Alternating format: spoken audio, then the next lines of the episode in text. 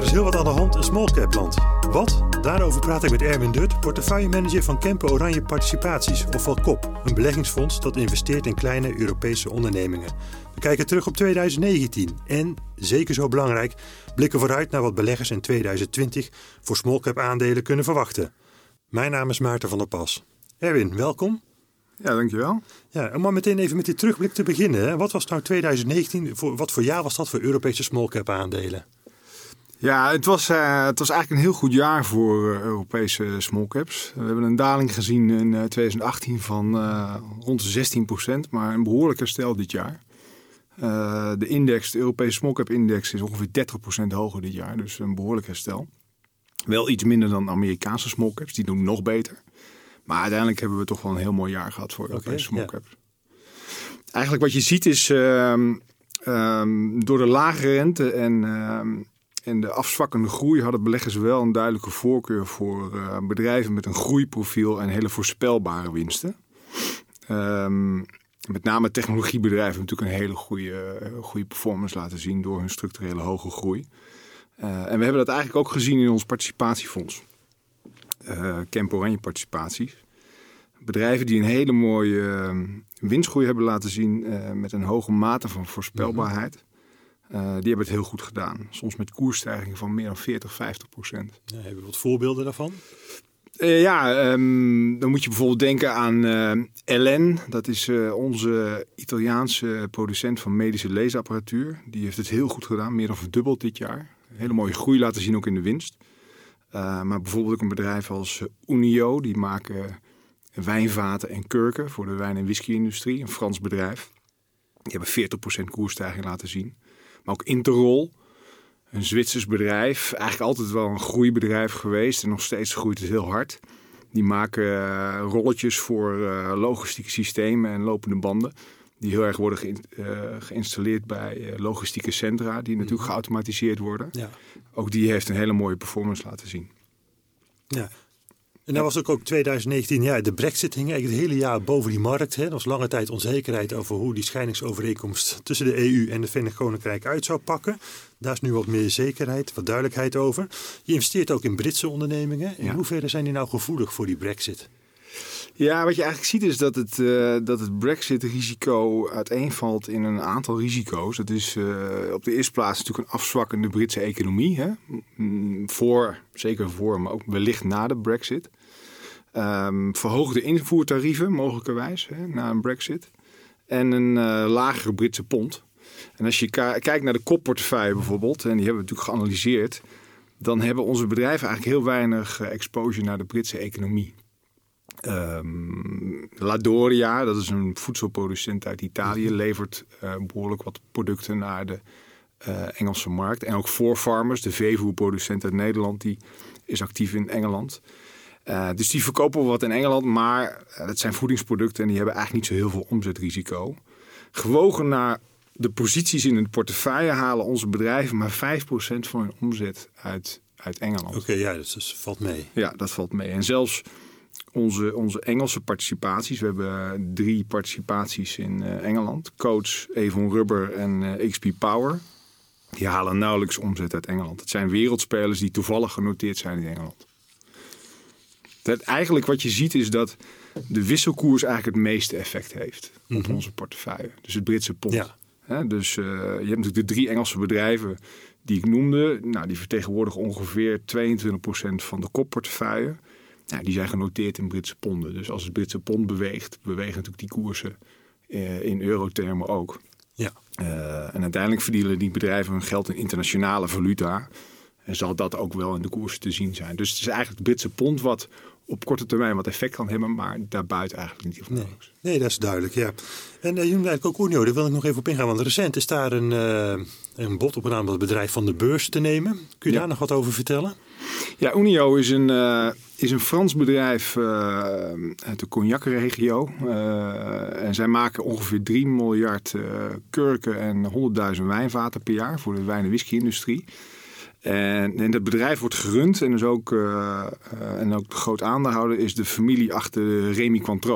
Okay, uh, ja. Een, een vermogende Franse familie die al jaren in die industrie zit. Die hebben 60% van Unio. Unio is wel beursgenoteerd en wij hebben 5% in het participatiefonds. En we hebben een paar weken geleden, twee weken geleden, hebben we een bieding gehad op, op de rest van de aandelen. Dus de familie wil eigenlijk het bedrijf van de beurs halen en koopt de, de minderheidsaandeelhouders uit. En ik denk dat dat wel een beetje een effect is wat je meer ziet. Is dat uh, ja, vermogende families die een bedrijf controleren, hebben veel cash. Uh, dat genereert eigenlijk geen rendement. Hè. Soms moeten ze bij de bank zelfs betalen om het, het geld op de bank te hebben staan. Die situatie zitten we nu. Ja. Um, en dan zie je dat ze het zeggen van nou laten we dan uh, onze cash maar investeren in een bedrijf wat we al jaren kennen, jaren runnen en wat een heel mooi rendement maakt. En dat zie je bij Unio. Maar dat hebben we bijvoorbeeld ook gezien bij Volker Wessels, Stevin. Uh, Volker Wessels ja, is, heeft ook een bieding gehad van de Wessels-familie. Uh, eigenlijk een, uh, een, korte tijd na de beursgang haalden ze iets van de beurs. En ik denk dat dat een beetje een vergelijkbare relatie is geweest. Uh, laten we ons, ons geld maar investeren in het bedrijf dat we zo goed kennen.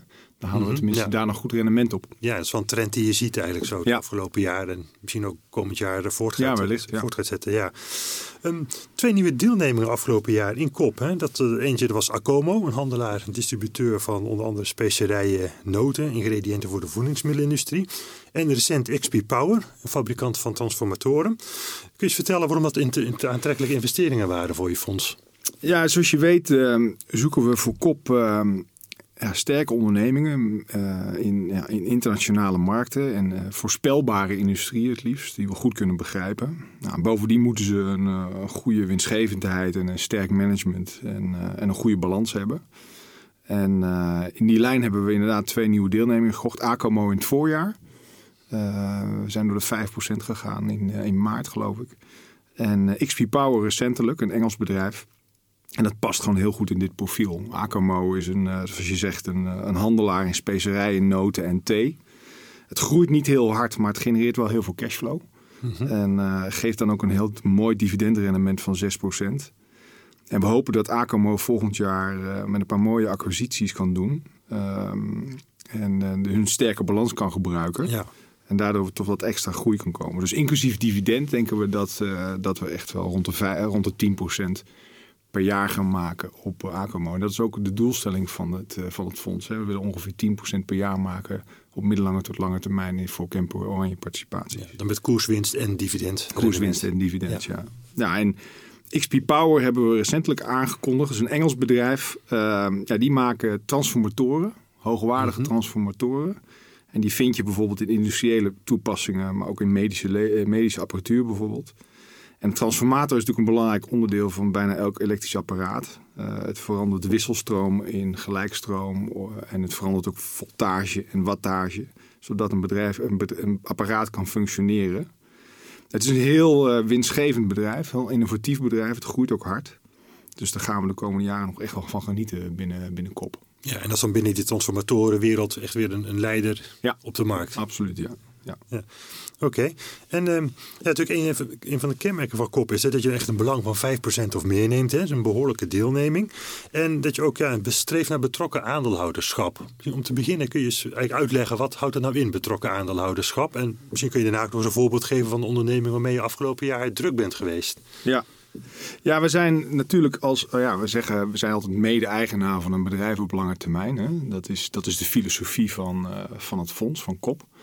En dat betekent dat je betrokken lange termijn aandeelhouder bent. Eh, dus dicht op de onderneming zit, eh, in, in nauw dialoog met, eh, met het management. Eh, ja, we gaan ook echt naar de fabrieken toe, naar de toeleveranciers. We proberen echt de industrie, maar ook het bedrijf heel goed te begrijpen. Ja.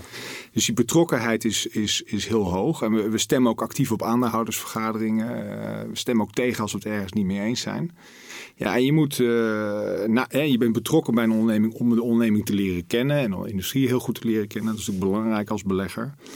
Maar je bent, eh, je bent ook betrokken om eh, ja, wel aandeelhouderswaarde te, te beschermen. Eh, als, als, aandeelhouder wil je wel dat, eh, dat de onderneming aandeelhouderswaarde creëert. En soms is het zo dat je, dat je de discussie wat scherper moet voeren en de druk moet opvoeren om ervoor te zorgen dat, dat die aandeelhouderswaarde wel beschermd wordt en dat ze de juiste dingen doen. Bijvoorbeeld, ehm, nou, bijvoorbeeld we hebben een belang in Farmers, daar zijn we nauw bij betrokken. Uh, er speelt natuurlijk heel veel. Hè. De investment case ehm, is eentje van een laaggroeiend, maar heel kasgeneratief bedrijf. Wat een deel van die kas uit, uitkeert aan, aan aandeelhouders en een ander deel gebruikt om op een verstandige manier de markt voor veevoer in Europa te consolideren. Nou, die investment case staat onder druk. Door Brexit, waar ze zitten in Engeland. Maar ook door de stikstofcrisis. Uh, en door een, uh, door een toch wat, wat zwak grondstofinkoopproces, wat ze hebben laten zien de afgelopen jaar. Nou, we zijn in nauw contact met de Raad van Bestuur en ook de Raad van Commissarissen om ervoor te zorgen dat voorfarmers uh, beter functioneert en de juiste beslissingen worden genomen. Ja, we hopen echt dat dat, dat de komende, komende maanden naar buiten komt. ook in een nieuwe plan wat ze gaan lanceren begin volgend jaar. En dan hopen we dat die koers natuurlijk omhoog gaat. Ja, en daar heb je dus actief ja, met het management gesproken over hoe zij de zaak beter kunnen, gaan runnen. Ja, ja. Even vooruitkijkend ook hè, nou, naar volgend jaar, 2020. Wat kunnen we verwachten voor small cap aandelen? Ja, dat hangt eigenlijk af van, ehm, van twee dingen. Uh, ja, de, de, twee belangrijkste uh, de zaken als het gaat om de beurs, maar dat geldt natuurlijk ook voor small caps, is de renteontwikkeling en de wereldwijde economische groei. Ehm, nou, als de rente laag blijft en de economische groei uh, redelijk robuust is, dan denk ik dat we een heel goed jaar weer gaan krijgen voor aandelen in het algemeen, maar ook voor Europese small caps. Wat je wel ziet is dat, omdat de waarderingen zijn opgelopen, koersen wel heel, heel wat meer gevoeliger zijn geworden voor schommelingen in de verwachte rente of de verwachte winstgroei. Uh, en ik denk dat de bewegelijkheid op de beurs best wel groot gaat zijn. Dat hebben we dit jaar al gezien, maar dat gaan we denk ik volgend jaar ook wel zien. En we zullen ehm, in de kopportefeuille ook volgend jaar wel weer behoorlijke koersuitslagen gaan zien in onze aandelen. En ja, ook wel weer bewegelijkheid in het kopaandeel zelf. Maar we hebben een goede cashpositie. Dus wellicht geeft dat ook ons, uh, ons wel mooie, mooie kansen. En daarnaast hebben we een aantal nieuwe deelnemingen in opbouw. Mhm, ja. Uh, dat hebben we eigenlijk altijd wel. Dus ik hoop dat we volgend jaar wel weer één of twee nieuwe deelnemingen kunnen, kunnen aankondigen. Ja, en dat je natuurlijk ook dit jaar heel erg die handelsoorlog die speelde, hè, dat er ook zo'n onzekerheid die maar boven de markt eh, blijft hangen. Um, hebben jouw bedrijven in de portefeuille daar ook nou nog last van? Afgelopen jaar, misschien ook komend jaar nog? Ja, um, de handelsoorlog heeft, heeft wel een effect. Uh, het is niet zozeer dat uh, de bedrijven in kop heel veel te maken hebben met verhoogde invoertarieven, rechtstreeks. Maar je ziet wel dat door de handelsoorlog uh, ja, de economische groei wat, uh, wat afgezwakt is. En dat er wat onzekerheid in bepaalde industrieën is ontstaan. Bijvoorbeeld, we, we hebben een bedrijf Coach, die maken mhm. draad en garen, een Engels bedrijf. Uh, nou, je ziet dat de kledingindustrie wel wat afwachtend is en zoekend is waar ze moeten investeren. En dat geldt ook bijvoorbeeld voor Lectra, een Frans bedrijf wat wij in portefeuille hebben, wat stofsnijmachines maakt. Mm -hmm. En eigenlijk de vergelijkbare klantengroep. En dan zie je wat afwachtendheid. Maar dat heb je bijvoorbeeld ook gezien in de automotive-industrie, waar Kendrion aan levert. Dus de handelsoorlog gaat wel een belangrijke factor zijn. Het was een belangrijke factor en gaat het ook eigenlijk volgend jaar wel zijn. Met name om te bepalen ja, of de economische groei volgend jaar uh, goed zal zijn. Of dat we echt wel uh, een afzwakking gaan zien. Uh, nou, het lijkt dat een begin van een deal in de maak is tussen de Amerikanen en de Chinezen. En wellicht gaat het dus allemaal wel meevallen. En als daardoor de economische groei volgend jaar zich positief ontwikkelt, ja, dan zullen met name de cyclische bedrijven wel een koersherstel kunnen laten zien. En daar hebben we wel een paar mooie van in portefeuille. Ja, zoals? Nou, uh, Kendrion, hè, die maken magneten voor de automotive-industrie, maar ook uh, de industriële, industriële toepassingen zoals robotarmen en dergelijke. Nou, uh, dat zijn natuurlijk redelijk cyclische eindmarkten. dus die zou een goed herstel kunnen laten zien. Saf Holland is er ook bijvoorbeeld een. Die maken remsystemen, assystemen en koppelingen voor, uh, voor vrachtwagens en trailers. Ook een mhm. relatief cyclische uh, industrie. Ja. Nou, en als die, uh, als die wereldwijde economie het, het goed doet volgend jaar, zullen zij in hun eindmarkt ook wel een behoorlijke herstel kunnen laten zien. En een ander is Bezi, eigenlijk de grootste positie in de kopportefeuille. En die maken machines voor het produceren van computerchips. En dat is natuurlijk een heel cyclisch uh, een heel cyclische eindmarkt. Die ook gevoelig is voor, uh, voor economische groei, ook consumentenvertrouwen. Hè. Wordt een nieuwe iPhone gekocht of niet? Ja. Uh, dus dat zijn allemaal bedrijven die, ja, die gevoelig zijn voor hoe die economische cyclus zich gaat ontwikkelen. En als die handelsoorlog ja, gaat meevallen en we een mooie economische groei gaan zien wereldwijd, zowel in Amerika, maar ook in China. Ja, dan kunnen dat soort bedrijven wel een mooi herstel kunnen laten zien in hun winst en wellicht in hun, in hun koersen. Ja, want bij Bezi noem je op zich wel een hele mooie. Je zit een grote positie in de portefeuille. Die, die halfgeleide cyclus die zit wat aan een dip afgelopen jaar. Maar Bezi is een van de koplopers volgens mij in je, in je portefeuille. Ja. Waarom doen die het dan zo goed? ja, dat is eigenlijk, uh, ik denk twee dingen. Op de eerste plaats uh, hebben ze een ongelooflijk goede winstgevendheid laten zien en eigenlijk een downturn. Uh, mm We hebben de, de, de halfgeleidercyclus is altijd zes kwartalen up, zes kwartalen down. En eigenlijk zitten we in een downturn in 2019, dus de cyclus is omlaag voor, voor de computerindustrie. Uh, maar zelfs in, uh, in perioden waarin ze omzetdalingen hebben laten zien van 40%, hebben ze ongeveer 40%, hebben ze ongelooflijk goede winsten laten zien. Hele hoge marges. Dus dat laat eigenlijk zien wat voor een kwaliteitsbedrijf bezig is.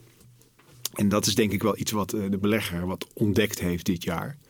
Dat zelfs in een moeilijke eindmarkt het een fantastische winst laat zien en, en cashflow laat zien.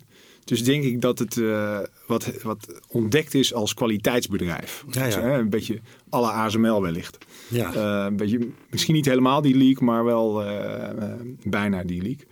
En het andere deel is dat toch de verwachting is dat 2020 die cycle weer omhoog gaat. We, hebben, we zitten nu tegen het eind van de downcycle aan. Als je uitgaat van 6, 7 kwartalen downcycle. En dan is toch wel de verwachting dat ergens begin volgend jaar de semiconductor cycle weer gaat draaien uh, in positieve termen. En dat zie je eigenlijk in die hele industrie hoor. ASML doet fantastisch. En in Amerika ja. Applied Materials en, en, Bezi in, in Nederland. Dus eigenlijk die hele semiconductor industrie die heeft eigenlijk dit jaar best goed gedaan. Met de verwachting dat 2020 weer een goed jaar voor die industrie gaat zijn. Ja. Wat een beetje een mooie uitzondering eigenlijk die uh, ja, dit jaar toch goed, uh, goed deed. Ja, zeker. Ja. daar zijn we heel blij mee. Erwin, bedankt voor je verhalen over Europese smallcap aandelen. Je beleggers een goed beeld gegeven over koers- en winstontwikkeling. En als de rente laag blijft en de economie blijft groeien, dan zijn de vooruitzichten goed voor Europese smallcap aandelen. Maar goed, koersen zullen bewegelijk blijven, dat heb je wel duidelijk gemaakt. Wilt u nu weten of beleggen in Europese smallcaps via Kempen Oranje Participaties iets voor uw beleggingsportefeuille is? Neem dan contact op met uw beleggingsadviseur.